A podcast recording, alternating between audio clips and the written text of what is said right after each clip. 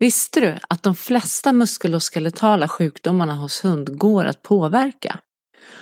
Om du som hundägare bara visste lite mer om hundens hälsa och regelbunden träning skulle du kunna öka kvaliteten på din hunds liv avsevärt.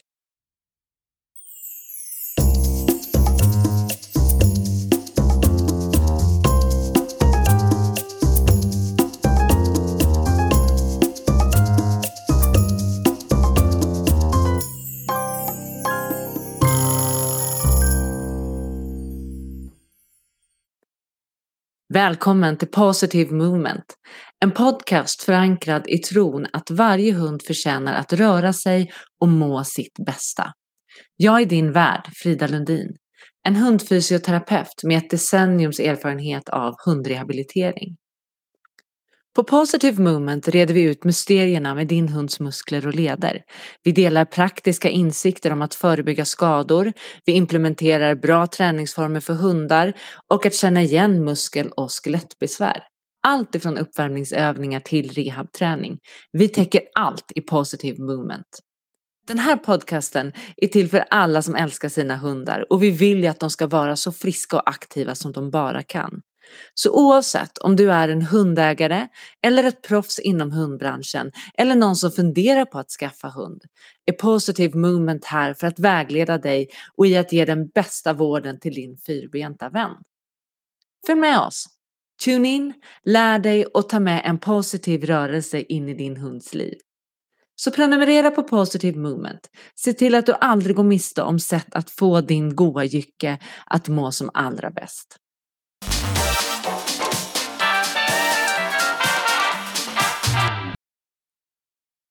Hej!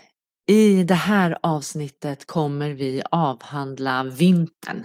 Vi står inför vinter, vi står inför den kallare perioden eh, och vi har ett avlångt land med olika förutsättningar. Eh, några kanske inte ens kommer få snö i år medan några kommer få en och en halv meter med snö.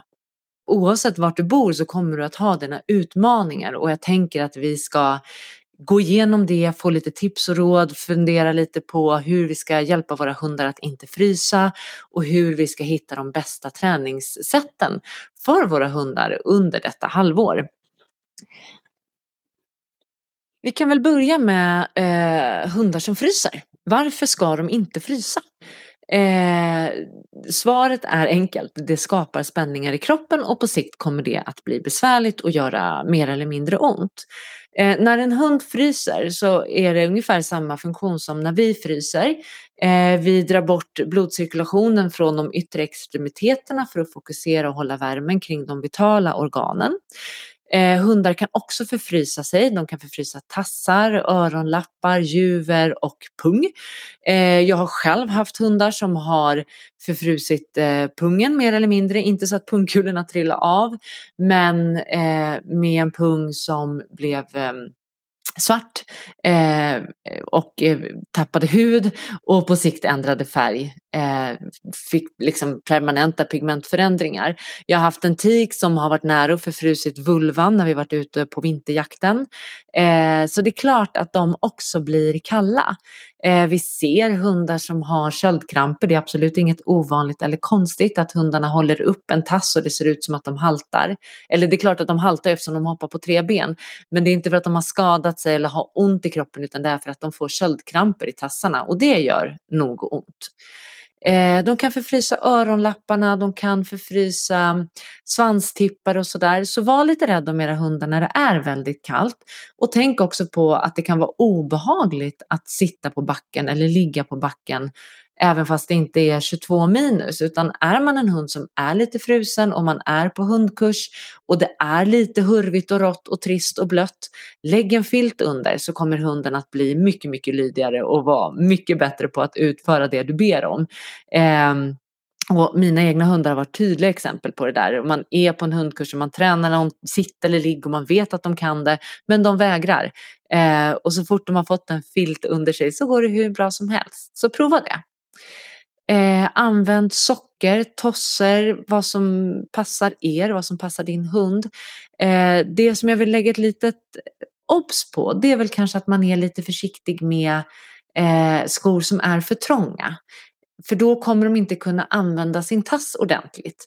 Och begränsar vi rörligheten i alla lederna i tassen, varje tå har tre leder. Eller egentligen, ja tre leder. Eh, klobenet, en mittenled, den som du ser som en liten krok mitt på tassen och sen den leden som fäster tån till självaste handloven eller motsvarande hundens handlov. Eh, alla de där tre lederna behöver kunna röra sig på sitt sätt för att rörelsen ska bli optimal genom tassen, upp i handleden, eh, armbågen, bogleden om man nu pratar fram, framben. Och sätter vi på skor som begränsar rörligheten så kommer det att påverka hundens rörelseförmåga. Så hitta en sko som passar din hund, som är tillräckligt stor men inte för stor. Eh, är det blött och slaskigt så behöver vi ha skor som håller för det.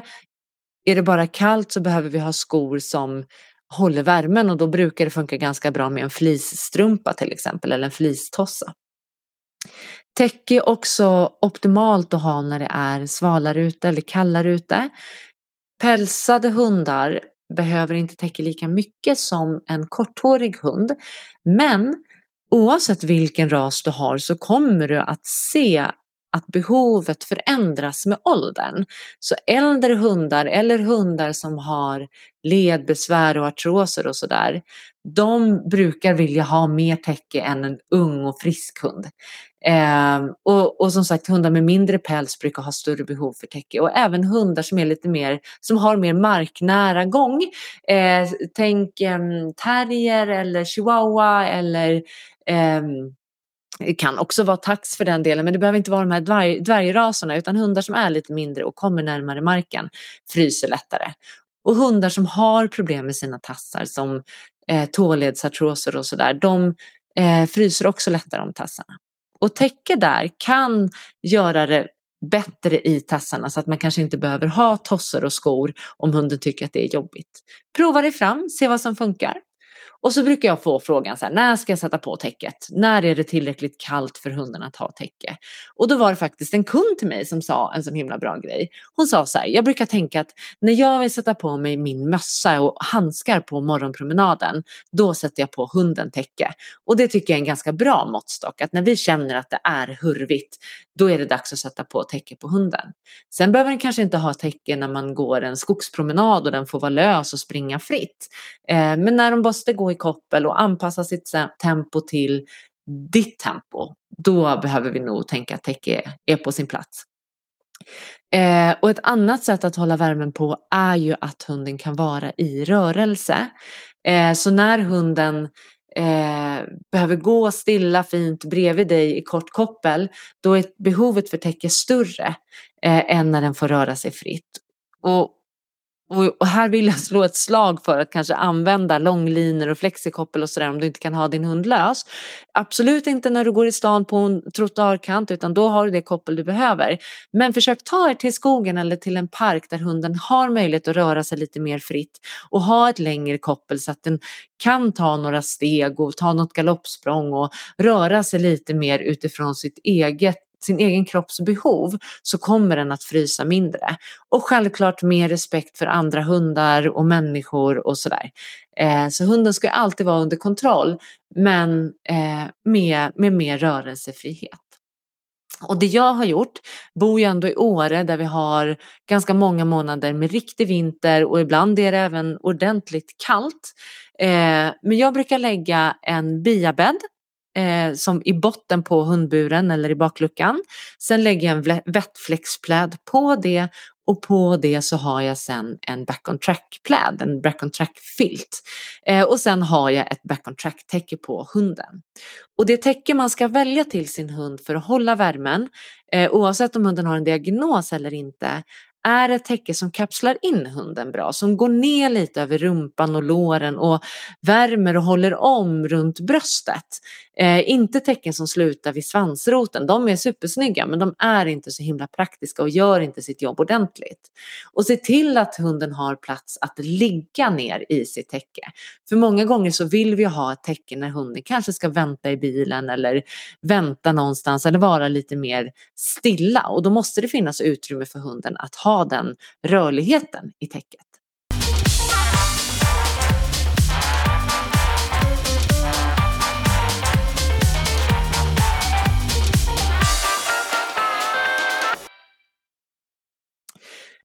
Och vad händer då när hunden fryser? Jo, det skapar spänningar i kroppen. Musklerna kommer att börja darra eh, för att generera värme.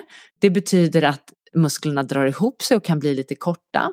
Det som också händer är att stresssystemet triggas i kroppen eh, och det kommer göra att bindväven drar ihop sig och bindväv finns överallt i hela kroppen. Det får bli ett helt eget avsnitt. Eh, men bindväven är det som lite grann håller ihop kroppen kan vi säga. Och när bindväven blir för kort och spänd så kommer det att skapa spänning i hela kroppen och hunden kommer till slut att få ett begränsat rörelsemönster. Och det kommer i sin tur göra att cirkulationen försämras eh, och att hunden av den anledningen blir spänd och kort i sina muskler och får en obekväm känsla i att röra sig. Så det blir liksom en negativ spiral av att frysa mycket. Och har din hund råkat frysa en gång, det blev oplanerat, eh, den fick ligga en stund, den blev kall och nedkyld, eh, så värm upp den. Gnugga upp kroppen, massera lite grann, försök få igång cirkulationen ordentligt hela vägen ut i tassarna så kommer du att motverka eh, de negativa konsekvenserna som eventuellt blir av att hunden frös. Eh, och de härdas inte, de blir inte tåligare. Eller jo, kanske om du har en hund som bor ute som behöver sätta en ordentlig vinterpäls. Men har du en hund som bor inne och som vistas ute på era promenader så finns det kanske inte någon egentlig anledning för hunden att härdas. Utan då får de istället jobbigt under den tiden som de vistas inomhus. Och det är ju förmodligen där de ändå vistas mesta delen av sin vakna tid och sin sovande tid. Eh, så, så sträva inte efter att härda hunden utan sträva istället efter att skapa komfort för din hund. Och sen är det ju också fantastiskt med vinter och snö och det är härligt och det är vackert och det är vitt och det blir lite ljusare och vi kan göra så otroligt mycket ur ett träningsperspektiv. Och jättemånga i vårt avlånga land sysslar med dragträning. Eh, så jag tänker inte att jag, jag ska inte gå in på det i den här podden för det är eller jo, kanske vi gör, men inte i det här avsnittet.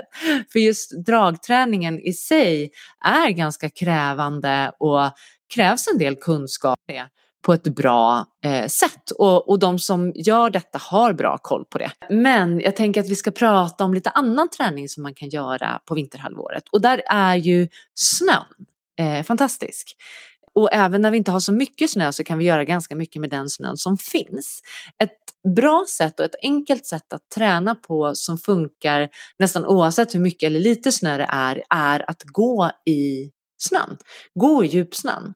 När det är lite snö eh, så kommer ju snön lite lägre ner på hundens ben och då brukar jag träna höga benlyft och låta hunden gå i skritt eller i trav för att lyfta på sina ben ordentligt.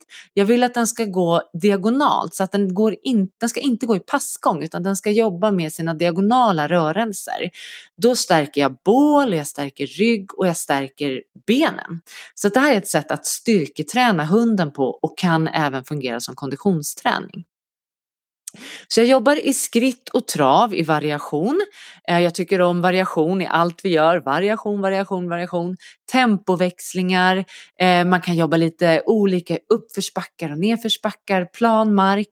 Eh, och att det här ska inte vara för djupt. För blir det för djupt då kommer hunden börja skutta fram istället.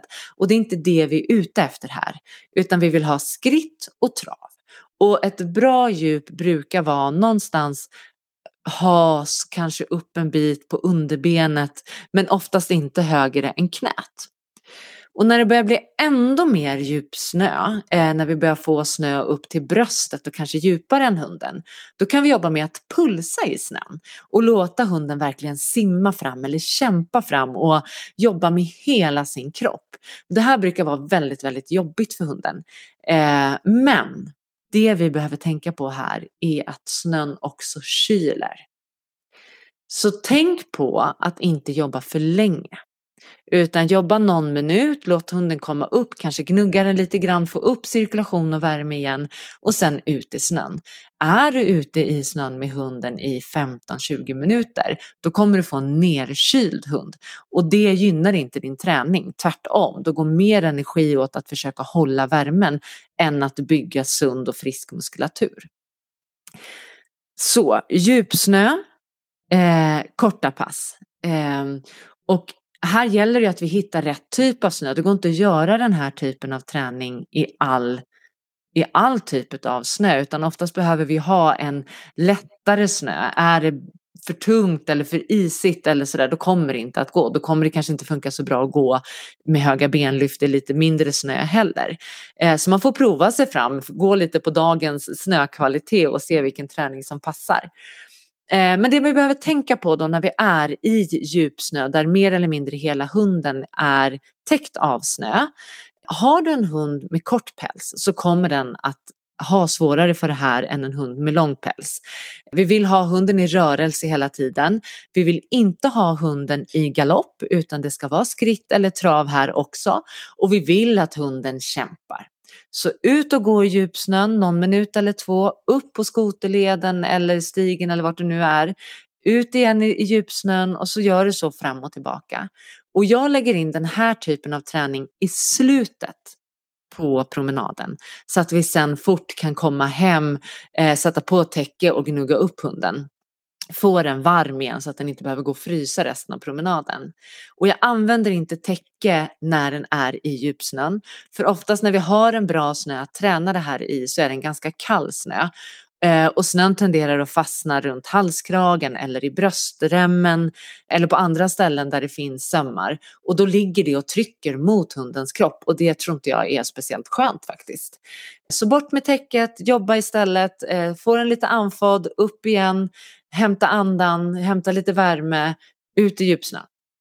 Och i slutet på promenaden så att du kan gnugga upp värmen ordentligt, eh, låta hunden gå och få upp värmen och sen eventuellt in i bilen eller hem i, i värmen. Sen har vi ju hårda underlag när det är isigt, när backen fryser, eh, när kärlen kommer och sådär. Och det vi behöver tänka på här det är att det är lika hårt för hunden som det är för oss. Så det bästa är väl kanske inte att löpträna på en grusväg i den här perioden. Eh, men ta gärna med hunden ut kanske på en halvfrusen mur. Myr menar jag. Det kommer, det kommer att ge lite svikt, det kommer att brista. Den frusna eh, djungeln och myren kommer att brista så att det blir lite mer bounce åt hundens tassar. Blåbärsris kan också vara mjukare. Terräng generellt brukar ge lite mer mjukt underlag än en frusen grusväg. Så prova dig fram. Eh, kanske hellre att man jobbar i kortare pass och kanske lite oftare. Eller så bor man i södra Sverige och det är nu vi verkligen kan vara ute på de här mjuka, blöta, geggiga grusvägarna, stigarna. Det är nu vi verkligen kan lägga fokus på konditionsträning för nu är temperaturen bra för det. Hej! Jag ville bara ta en liten paus och säga tack för att du lyssnar på podden. Det här avsnittet presenteras i samarbete med Svenska Fysioterapiskolan eh, som har yrkesutbildningar inom rehabilitering och friskvård för hundar. Och på sommarhalvåret som är en ganska lång period och det kan vara svårt att få till konditionsträning för att det är för varmt. Det är nu vi kan göra det. Det är nu vi kan verkligen få hunden att ta ut sig ordentligt.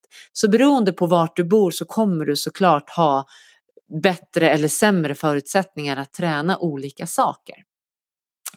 Så gör det och ut och lek medans, medans det går på stockar och stenar och stubbar och nyttja den terrängen som finns. Och för vår del innan det göms i snö och i, i södra Sverige innan det blir för varmt.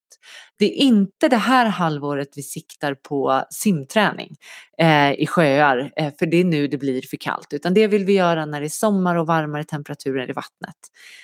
Och sen så har vi ju halkan.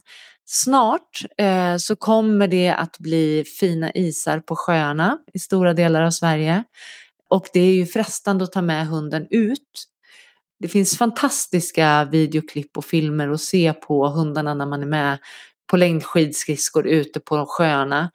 Eh, men i mina ögon så ser det inte fantastiskt ut. I mina ögon ser jag hundar som håller på och halkar hela tiden, som spänner sig enormt för att inte halka. Och den typen av träning ser jag faktiskt som mer nedbrytande än uppbyggande. Absolut, ta med hunden ut och ha en upplevelse tillsammans.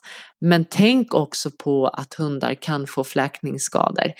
Hundar kan halka och sträcka sig rejält. Eh, och jag har varit med om hundar som har fått eh, begränsningar för resten av livet på grund av rejäla muskelbristningar i baksida eller insida lår. Eh, jag har hundar som har halkat rejält och skadat eh, bröstmuskulatur och sådana saker. Så var försiktiga när det är halt underlag. Is är inte det bästa för en hund att, att vara på. En grej när det ligger snö på is, absolut, men när det är blank is och det funkar att åka skridskor, då är det sällan det bästa för en hund att röra sig på även halkan som kommer nu under vintern när snön har kommit och så tinar det bort lite och blir blankis istället. Försök att hitta promenadställen att gå på där hunden inte behöver halka. Eller, eller du för den delen, det är fruktansvärt att bli liggandes där på backen. Jag vet inte hur många gånger jag har gjort det. Eh, men om man tar sig lite på sidan av vägen, kanske där det finns lite eh, lite plogvallar och sådär så att det blir lite bättre grepp, så försök gå där. Och en annan rolig aktivitet apropå plogvallar är att använda det som ett sätt för hunden att få använda sin kropp och träna balans och koordination. När det är stora snöhögar som har plogats upp så brukar jag använda det dels eh, kan jag slänga upp en näve godis eller kanske middagsmaten så att hunden får leta efter det och då behöver den använda sin kropp, använda sin koordination, stå lite still i konstiga positioner och lite upp och lite ner och från sidan. Jättejätteroligt sätt och hunden får använda sin nos samtidigt. En annan grej som jag tycker om att göra det är att ta någonting som är supergott. Eh, det kanske är eh, en matbit, kanske ett grisöra, eh, struphuvud, en ostmacka, vad vet jag. Det din hund älskar. Och sen gräver jag, lägger jag det i en låda och gräver ner det i snöhögen. Eh, och sen trampar jag runt lite granna och sen låter jag hunden släpper den liksom på ett sök på snöhögen så att den själv får leta upp och gräva fram lådan. Och sen är ju belöningen då att den får slita upp lådan och äta upp innehållet. Eh, har vi en hund som lätt fryser, täcker på under de här aktiviteterna för det är inte jättemycket fysisk ansträngning. De kommer inte bli anfodda för att de eh, använder sin kropp speciellt mycket. Eh, utan de, blir, eh, de får använda, det är huvudet som används mest här. Eh, och som sagt, har du en hund med någon diagnos, kanske bara dubbelchecka med en, en, en diagnos i rörelseapparaten pratar vi om då. Kanske bara dubbelchecka med din hundfysioterapeut så att det är Eh, en bra idé. Eller om det är under rehab, prata med din hundfysio så att, så att det är en bra idé att göra de här övningarna. Men för friska hundar eh, så absolut. Och att leta efter saker är ju något man kan göra med valpar, unghundar, mitt i livet hundar och gamla hundar. Så det är en aktivitet som passar alla och som alla hundar tycker är väldigt, väldigt roligt. Jag hoppas att du fick lite inspiration eh, och lite tips och råd på vad du kan göra med din hund i vinter och hur du förebygger att hunden fryser och lite roliga sätt att träna på när snön väl kommer, om den kommer.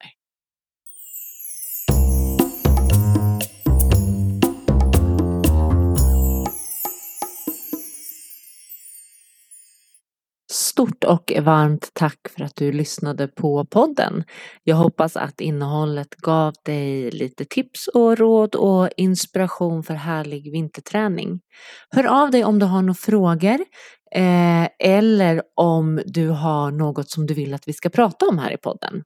Du kan kika in på poddens hemsida som är positivemovementpod.com eller skicka ett mail till mig på frida positivemovementpod.com